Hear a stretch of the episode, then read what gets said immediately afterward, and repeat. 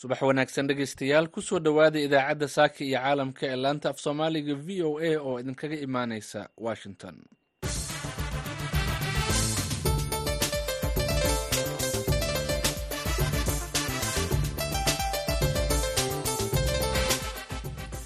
aroor wanaagsan meel walba o aad joogtaan waa subax sabti ah saddex iyo tobanka bisha january ee sanadka labada kun afar iyo labaatanka. Waxaad naga dhagaysanaysaan mawjadaha gaagaaban ee lix iyo tobanka iyo sagaal iyo tobanka mitirban efemyada magaalooyinka geeska afrika qaar iyo bogga v o a somaali com. Saacadda afrikada bari waa lixdii iyo barkii aroornimo idaacadda saaka iyo caalamkana waxaa idinla socodsiinaya anigoo ah nuur xasan nuur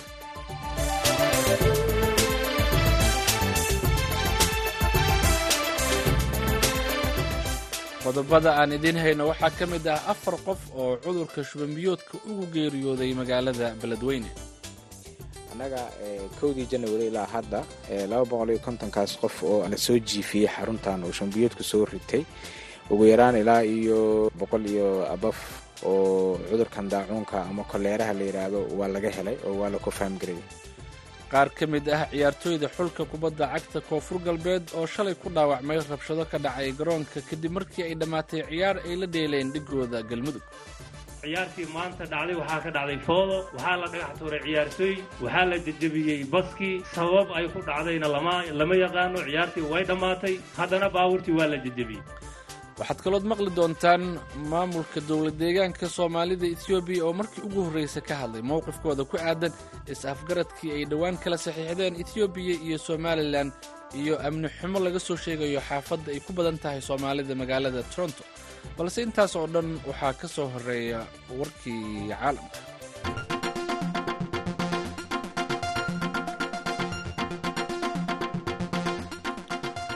maraykanka ayaa xalay mar kale dalka yemen ka fuliyey duqaymo cirka ah oo ka dhan ah xoogaga xuutiyiinta yemen.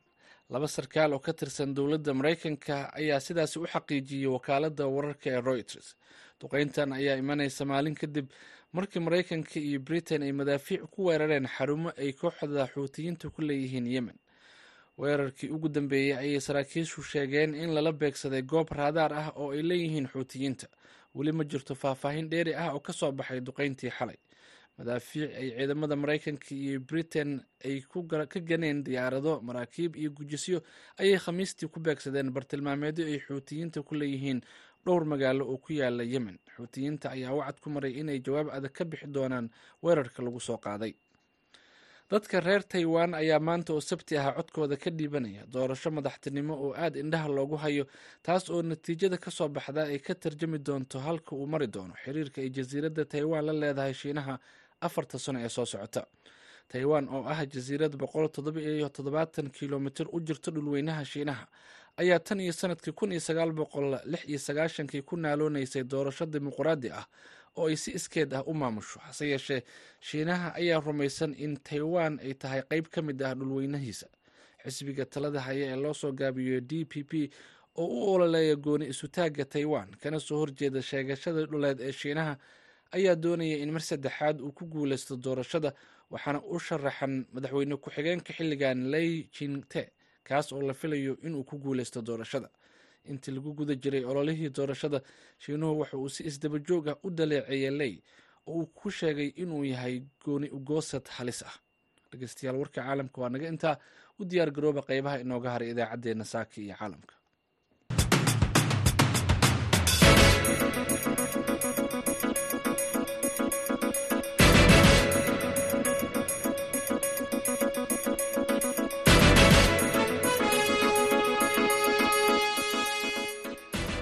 subax wanaagsan dhegeystayaal halka aad nagala socotaan waa voice of america washington. Aan ku bilowna ee dowladda maraykanka ayaa jimcihii shalay sheegtay in ay soo dhoweyneyso kulanka lagu wado in madaxda urur goboleedka igaad ay siddeed iyo tobanka bishan isugu yimaadaan dalka uganda kaas oo looga hadli doono xiisadda u dhexeysa soomaaliya iyo ethoobiya qoraal kooban oo ka soo baxay xafiiska arrimaha afrika ee waaxda arrimaha dibadda maraykanka laguna baahiyey barta x ee horey loogu yaqiinay twitter ayaa lagu yidhi waxaan soo dhoweyneynaa shir madaxeedka igaad ee siddeed iyo tobanka janaayo ee looga hadlayo xiisadaha u dhexeeya soomaaliya iyo ethoobiya iyo xaaladda suudaan. Maraykanku waxa uu taageerayaa madax bannaanida iyo midnimada dhuleed ee soomaaliya iyo baaqii guddoomiyaha guddiga midooda afrika muuse faqi ee ahaa in la qaboojiyo colaadda suudaan lana wada hadlo islamarkaana la helo xabad joojin iyo xal laga gaaro dagaalka ka socda suudaan madaxweynaha jabuuti ismaaciil cumar geele oo ah guddoomiyaha xilligan ee urur goboleedka igaad ayaa ku baaqay shirkan. Aanan caadiga ahayn ee madaxda urur goboleedka igaad dhinaca kale maamulka dowlad deegaanka soomaalida ee ethoobiya ayaa jimcihii shalay markii ugu horreysay ka hadlay halka ay ka taagan yihiin is-afgaradkii ay dhowaan kala saxiixdeen ethoobiya iyo somalilan warbixintan waxaa jegjega ka soo diray maxamed cabdiraxmaan gaata madaxweynaha dowladdeegaanka soomaalida mustafa maxmed cumar oo warbaahinta la hadlay ayaa soo dhoweeyey heshiiskiisa afgaradka badda ee dhowaan dhex maray etoobiya iyo somalilan isagoo sheegay inay muhiim tahay in heshiis noocan oo kale ah la galo. Si loo helo ayuu yidhi madaxweynuhu dekad dalku uu isticmaalo. Dalka etoobiya waa dal shacab badan ku nool yihiin ilaa iyo boqol labaatan milyan ka badan dad ay ku nool yihiin. Inta badanna dee ku tiirsan dalalka jaarka dekadahooda inuu wax dhoofiyo ama inuu wax soo gashado dalka marka in heshiis noocan oo kale a la galo oo deked muxuu ahaa ay isticmaalo dalku uu helo iyo weliba saldhig military oo danaha siyaasadeed iyo danaha istaraatiijiyadeed ee badda cas uu ku ilaashado. Waa wax faa'iido badan u leh dalka deegaanka soomaaliduna maadaamuu dalka ka tirsan yahay. Wixii faa'iida dalka u yimaada wuxuu noqonayaa ka ugu horreeya ee ka faa'iida maadaama inaga badankeena xidhiidhkeena dhaqaale uu ku xiran yahay cidda hadda aan la gallay heshiiska. Faa'iido u badan ee horta loo raadinayaaba dekedan waa faa'iido dhaqaale. Marka dalka wixii uu helo ee dhaqaalaha ama ha noqoto waxyaalaha la dhoofinayo ama ha noqoto waxyaalaha la soo gashanayo dalka waxaa nagaga baxa dhaqaale adduun aad u fara badan. Sidoo kale madaxweyne mustafe ayaa sheegay waxyaabaha heshiiskan uu u sahlayo dalka iyo deegaankaba iyo faa'iidooyinka laga helayo. Marka heshiiskan wuxuu sahlayaa in sidaasi ka fudud aan wax ku dhoofsan karno waxna ku soo gashan karno. Saa daraaddeed inaga deegaankeena ood ogtahay xoolaha oo kale ugu badan waxay ka dhoofaan deegaankeena. Waxyaalaha ugu badan aynu cunno soo dhowrsanaa marka wuxuu noqon doonaa insha allah haddii ala heshiis albaabada u fura shacabkeena gaar ahaan deegaankeena oo iyaguna ku cadiban dekad la'aanta. Qofka dowladda kii ra'isul wasaaruhu caddeeyey ra'isul abiy ka hadlay maaha ujeedadu in cid gaara lagu duulo ama la xumeeyo sida ra'isul wasaaraha uu sheegay. Waa in yani la kala faa'iidaysto oo muxuu ahay si heshiis ahoo isdhaafsi dhaqaala ah oo inaguna aan bixinayno dhaqaale cidda kale ee naga kareynaysa ama maaragtay dekadaas isticmaalkeeda aan la wadaagaynana innaga aan ka faa'iidayno oo maaragtay iskaashi iyo waxisweydaarsi ah marka anu waxaan arkaa inuu faa'iido fara badan uu u leeyahay labada dhinacba waxaan aaminsanahay deegaankeenu sida aan sheegay dalka ka tirsan yahay shacabkeenu inuu ka faa'iidayo ayaan aaminsanahay dhanka kale madaxweynaha dowladdeegaanka soomaalida mustafa maxmed cumar ayaa fariin u diray bulshada deegaanka isagoo sheegay in deegaanka uu colaado iyo dhibaatooyin badan soo maray. Sidaa darteedna loo baahan yahay ayuu yidhi madaxweynuhu sidii loo ilaashan lahaa amniga iyo nabadda la haysto. Islamarkaana ayuu yidhi islamarkaana aan lagu dhex dhimanin. Ayuu yidhi madaxweynuhu siyaasadaha geeska ka socda ee la isku hardiyayo cidda arrimaha isku haystan innaga deegaankeena waa deegaan colaado badan soo maray waa deegaan dhibaatooyin badan soo maray. Maanta waxaan u baahannahay inagu in dhaqaalaheena aan korino inaan nolosheena wax ka bedelno. Waxa ugu horeya u baahana waa amni. Marka fariintaan diraya waxa weeye in amnigeena aan ilaashano inaan ka taxadirno inaynan ku dhex dhimanin siyaasadaha geeska ka socda la isku hardiyayo oo shacabkeena uu xooga saaro in amnigiisha ilaashado kana hortago wixii qalalaasa ee ka iman kara codadka aan maqlayno ee la xidhiira arrinta dhankooda qaar ka mid ah shacabka magaalada jigjiga oo la hadlay idaacadda v o a ayaa sheegaya aragtidooda ku aadan heshiiskan. Runtii aniga ahaantay fikirkayga haddaan idhahdo anu waan taageersanahay heshiiska dhex galay islamarkaana waan soo dhaweynaya waa mid ummadda etoobiya iyo sidoo kale ummadda deegaanka soomaalida faa'iida weyn u leh. Waayo etoobiya waxaa ku nool in ka badan milyan. Oon lahayn wax bada waa yar caqabad. Saa darteed heshiiska dhex galay waan soo dhaweynayaa. Waa mid wax weyn ka tari doona deegaanka soomaalida iyo sidoo kale dalka etoobiya dhanka dhaqaalaha dhanka ganacsiga iyo sidoo kale xaaladda amni. Sidoo kale mashruucan etoobiya waxay noqon doontaa mid coordinate garaysa ama ilaalisa dhaqdhaqaaqa ganacsiga adduunka ee babel maded mara sidoo kale waxay ilaalin doontaa indian ocean iyo sidoo kale badda cas. Marka waa mid faa'iido weyn u etoobiya waana soo dhaweynaa hadlo.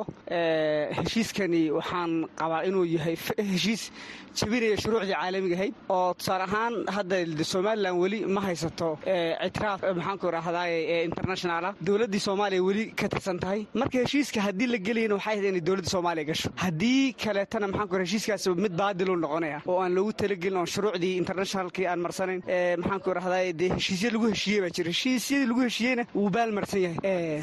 Haddii heshiiskani uu noqdo noqdo mid hirgala oo labada dhinacba raalli laga yahay. Oo haddee tusaale ahaan dalkan soomaaliyan deriska nahay waa dad aan walaalinahay dhinaca kaleeto. Waa dad u baahan maxaan ku inaan had iyo jeer aanu walaaltinimo ku wada noolaano wax ayaga dhibaato ku ah annaga inuu faa'iido noo yeesho ma rabno. Marka haddii ayaga maxaan ku idhahdaa ay noo ay ogolaadaan oo dee xeerar caalamiga laga soo saaro wakhtiyo agrimentiyo saxa laga soo saaro faa'iido fara badan baa laga yaabaa inaan ka helo tusaale ahaan ganacsigoo kale inuu noo fududaado. Inuu dalka maxaan ku idhahdaa dee in badan sixir bararo fara badan baa jira. Etoobiyana dee bilyanis lacaga yaa laga qaadaa sanad kasta oo si ay maxaan ku idhahda dekedaha ay u isticmaasho. Taas sidaas daraaddeed waxaan fikir ahaa aan filayaa inuu jiro in wax fara badan discount ama hoosu dhac badan iman lahaa. Maxamed cabdiraxmaan gaata v o a magaalada jigjiga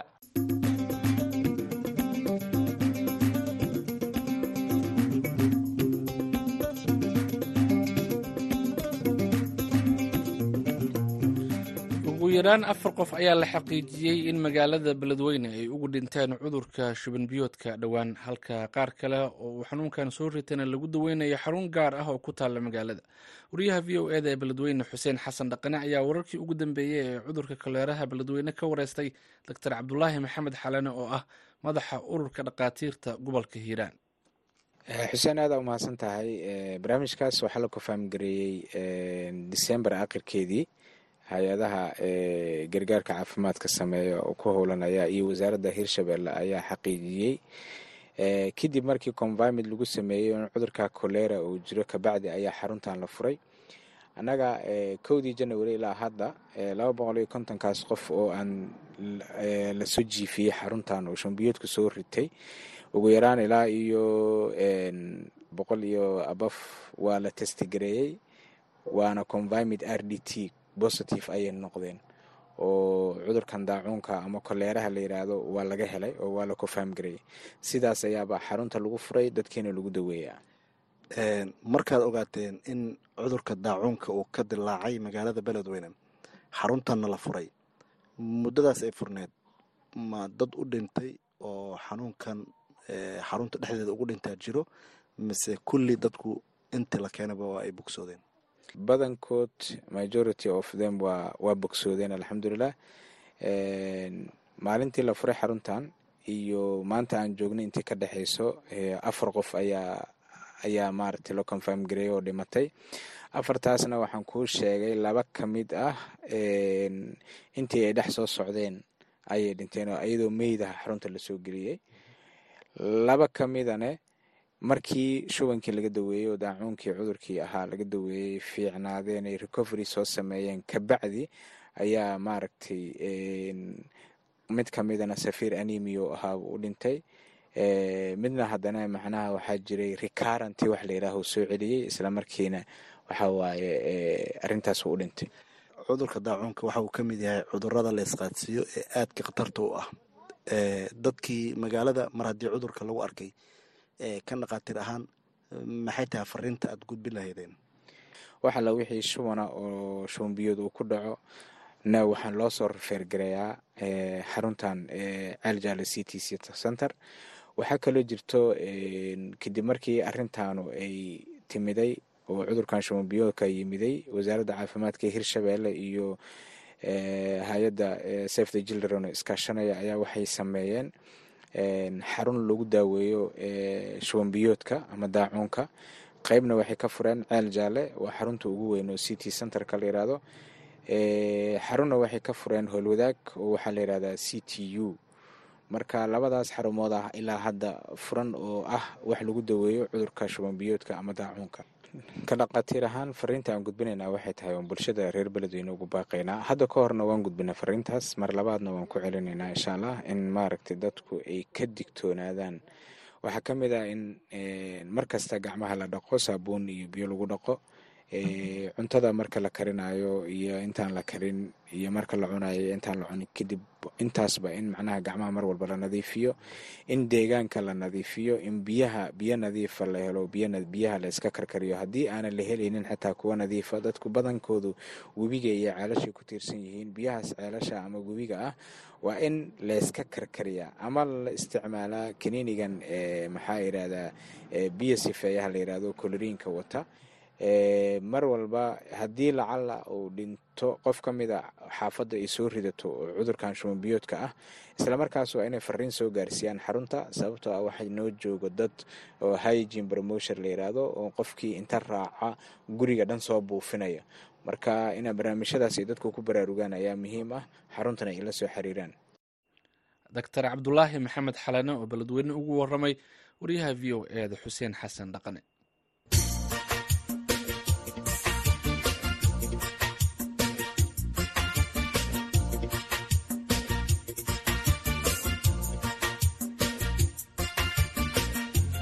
haatanna muqdisho. Wasiirka ciyaaraha dowlad goboleedka koonfur galbeed ayaa xalay shaaciyey in xulka kubadda cagta koonfur galbeed uu ka baxay tartanka ciyaaraha maamul goboleedyada ee ka socda magaalada muqdisho. Kadib markii la dhaawacay qaar ka mid ah ciyaartooyda u ciyaarta kooxda koonfur galbeed. Wararkii ugu dambeeyey ee ciyaarahaasi waxaa inoo haya wariyaha v o eda ee muqdisho mahad cali xidir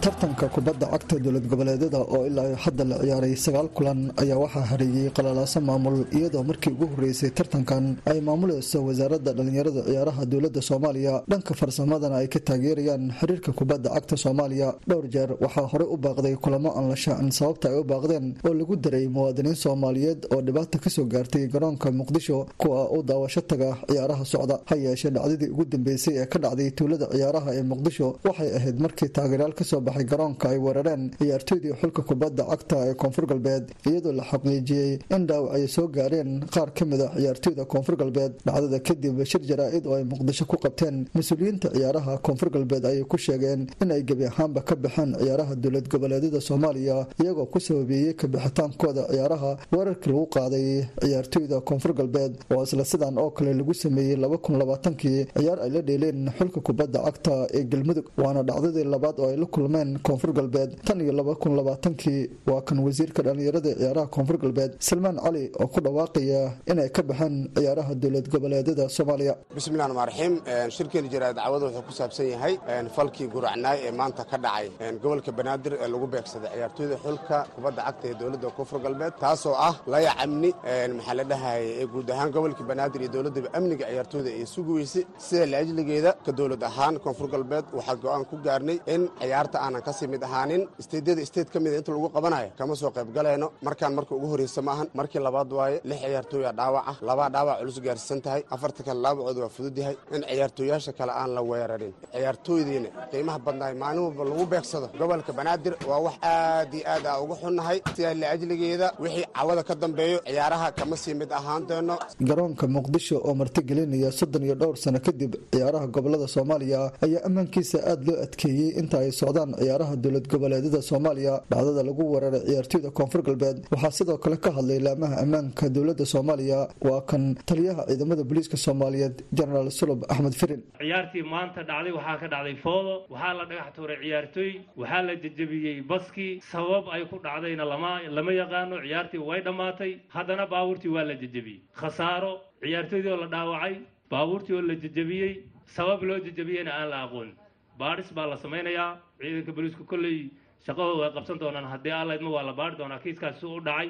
Laakiin guud ahaan waxaan rabnaa in dhallinyarada taageera taageerayaasha ee garoonka tegayayay inay u u hoggaansamaan sugidda amniga ilaaliyaanna muuqaalka caasimadda maanta oo sabti ah waxaa lagu waday in la ciyaaro kulan ka tirsan ciyaaraha dowlad goboleedyada soomaaliya oo u dhexeeyey xulalka banaadir iyo jubbaland waxaana la xaqiijiyey in la baajiyey kulankaas. Xiriirka kubadda cagta soomaaliya iyo wasaaradda dhallinyarada ciyaaraha dowladda federaalk soomaaliya ayaa si wadajir ah u shaaciyey in la hakiyey ciyaaraha dowlad goboleedyada iyo gobolka banaadir muddo saddex maalin ah oo ka bilaabanaysa maanta oo sabti ah waxaana qorshuhu yahay in dib loo bilaabo toddobaadkan gudihiisa. Mahad cali xidir v o a muqdisho aad ayuu u mahadsan yahay. Mahad haatanna kanada. Booliska magaalada toronto ee dalka kanada ayaa baaritaan ku wada israsaaseyn ka dhacday xaafadaha ay soomaalida ku badan yihiin ee magaalada toronto. Warbixintan waxaa toronto ka soo diray xuseen nuur xaaji ilaa saddex israsaaseyn ayaa khamiistii ka dhacay xaafadaha ay soomaalida ku badan yihiin ee tobicok mid ka mid ah ayaa ka dhacay meel u dhow dhismayaasha digson oo ay degan yihiin soomaali badan laba qof ayaa ku dhaawacantay israsaasaynta sidoo kale isla khamiistii waxay booliisku sheegeen in weston and lawrence oo ah xaafad ay soomaalidu ku badan tahay qof lagu dhaawacay kadib weerar toorey loo adeegsaday. Ilaa iyo hadda booliisku waxay sheegeen inay wadaan baaritaan iyagoo tilmaamay in tuhmanayaashu ay gaari ku baxsadeen kadib weerarada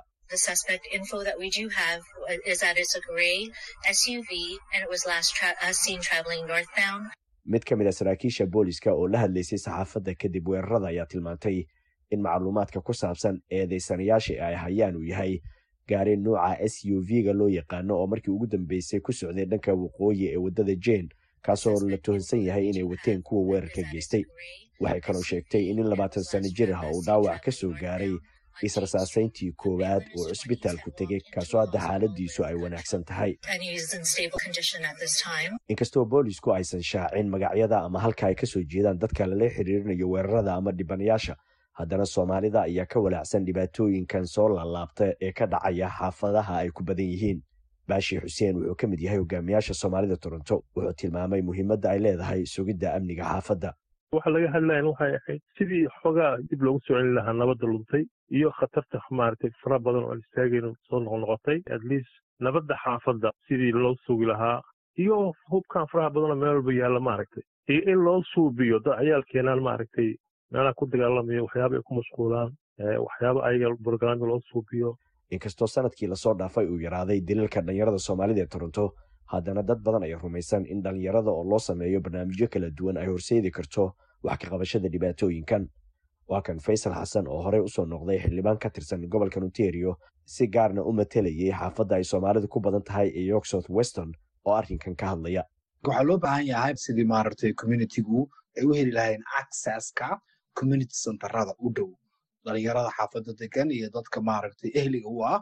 Waxaa loo baahan yahay programyada recreationalka xaafadeena oo dhan in number loo qoondeeyo dadka xaafadda degan oo ay noqdaan programo iyago ay ka faa'iidaystaan. In dhalinyaradii la siiyo work integrated learning oo shaqooyinkii lagu xiro xirfad loo sameeyo ta laakiin ugu muhiimsan waxa weeyaan xaafadda xuseenow in la badbaadiyo amnigooda lana sugo. Dadka dhibka ku hayana laga qabto. Weerarada cusub ee ka dhacay xaafadaha ay soomaalidu ku badan tahay ayaa noqonaya kuwo mar kale bulshada ku abuuraya feejignaan hor leh iyagoo isku dhiiri gelinaya inay sii labalaabaan dadaalada iskaashi ee wax looga qabanayo arrimahan. Xuseen nuur xaaji v o a toronto.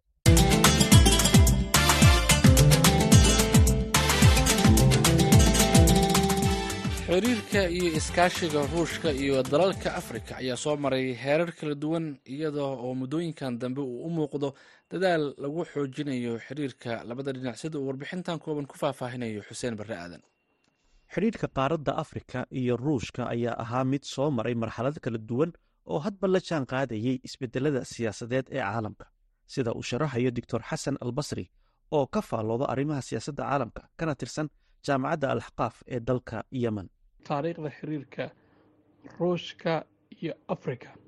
Xilligii madaxweyne stalin tii xilligaas waxaad moodaa in la gacan bidixeeyey afrika oo ruushku markaa uu ka sii jeeday xilligii afrika ka sii baxaysay ama ay qaadanaysay xorriyadda kontomayadii iyo lixdamayadii kuna aadan xilligii madaxweyne karshof ayaa la dejiyey oo aqalkan kremlinka loo yaqaano looga taliyo ruushka oo siyaasado iyo istaraatiijiyado lagu soo dhoweynayo afrika codka afrika la maqlayo taageero military iyo mid dhaqaale la siinayo islamarkaana ruushka kaalin muuqata uu ku yeelanayo afrika xilligaas ayay bilaabatay oo angola etoobiya iyo masar iyo soomaaliya iyo meelo kaleba laga dareemay. Laakiin markii midowgii sofiyeeti uu burburay ayaa xiriirkaas asna uu qad ka baxay. Marka afrikaanku libinta in ruushku xilligaas uu ka gacan siinayey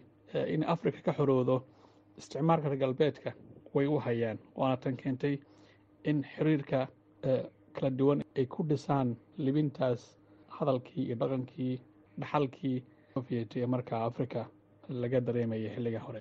Marka loo yimaado road mapka ruushku hadda uu dejiyey iyo ahdaafta uu ka leeyahay africa kuwooda ugu waaweyn waxaa ka mid a in laga furfuro xargaha diblomaasiyadeed ee cunaqabateynta reer galbeedka ee maraykanku ay saareen ruushka kadib dagaalka ukraine in uu ka baxo ruushka waxaan la dhaho isolationka lagu sameeyey siyaasad ahaan. Ayuu ulajeedka ugu waaweyn ee africa hadda ayuu africa marka ka raadinayaa dalalkii taageeri lahaa siyaasad ahaan ruushka. Laakiin qorshaha fog ee ruushka ayaa ah in uu qaaradda afrika ka helo saldhigyo iyo ilo dhaqaale si uu uga baxo go'doominta la soo daristay intii ka dambeysay dagaalkii uu ruushku ku qaaday ukraine. Sida uu sharaxayo jaamac faarax xasan oo ah aqoon-yahan ka faallooda arrimaha siyaasadda kuna sugan dalka jabuuti. Ruushku wuxuu ka leeyahay dan wuxuu ka leeyahay in ay u noqoto xudun uu ka qaado hadday noqoto duulimaad hadday noqoto istaraatiijiyado kale oo military hadday noqoto goobo ugu dhow oo macdanta laga falo ruushku waxa weeyaan africa xoog buu ku sii ballaadhay. Maalin maalinta ka dambeysa waxa weeyaan in uu hantiyo kolba waddan sanadka labada kun iyo saddex iyo labaatankana ruushku guligu waaweyna ayuu africa ka gaadhay. Hadday noqoto siyaasadda hadday noqoto xagga militariga hadday noqoto dowladdii faransiiska oo laga ragaadiyey ama laga raacdeeyey waxa weeyaan africa iyadoo oo weli ay jabuuti oo kale bas basweyn ay ku leeyihiin dalka faransiisku xeebaha ay joogaan laakiin wadamadan bartamahan africa meel uu waxa weyan uu deganaado. Saxaraha waxa weeyaan centrafric ku yaalla oo laleh wadano badan oo imika ka dhexeeyaan dano ruushka. Sidii goboladan darfuur macdanta uu ka qodo shirkadood oo ruusha ayaa ka qodo dahab. Sudan xaaladeeda waan ognahay oo waxa weeyaan kuma taagno. Hub badan iyo waxaa soo galay dalkan centrafric iyo dad badan baa soo galay iyada xaaladeedu waxa weeyaan walaal waxa imika ruushku inuu fara adag uu ku sii qabto oo uu ka dhigto waxa weeyaan bas haddii toole wadanadan africa uu ka maamulo. Ayaa waxyaalaha ka mid a danta uu ka leeyahay ruushku africa way badan tahay wala danta uu ka leeyahay ruushka africa wuxuu ka leeyahay tu dhaqaale tu ciidan buu ka leeyahay. Ruushka ayaa tan iyo sannadkii labadii kun iyo sagaalkii waxa uu labadii sannaba shir madaxeed u qabtaa madaxweynayaasha afrika iyo ruushka. Madashaasi oo qayb ka ah qorshaha xoojinta xidhiirka ruushka iyo afrika. Aad iyo aad ayuu u mahadsan yahay xuseen barre aadan oo warbixintaasi inala socodsiiyey. Warbixintaas iyo heestan ka dambeysa ayaana dhegeystayaal ugu dambeyn doonta idaacaddeenii saaka iyo caalamka. Waxaa idinla socodsiinaya anigoo ah nuur xasan nuur. Dhinaca farsamadan waxaa inoo fadhiyey ismaaciil xuseen farjar tan iyo kulanti dambe sidaa iyo nabadgelyo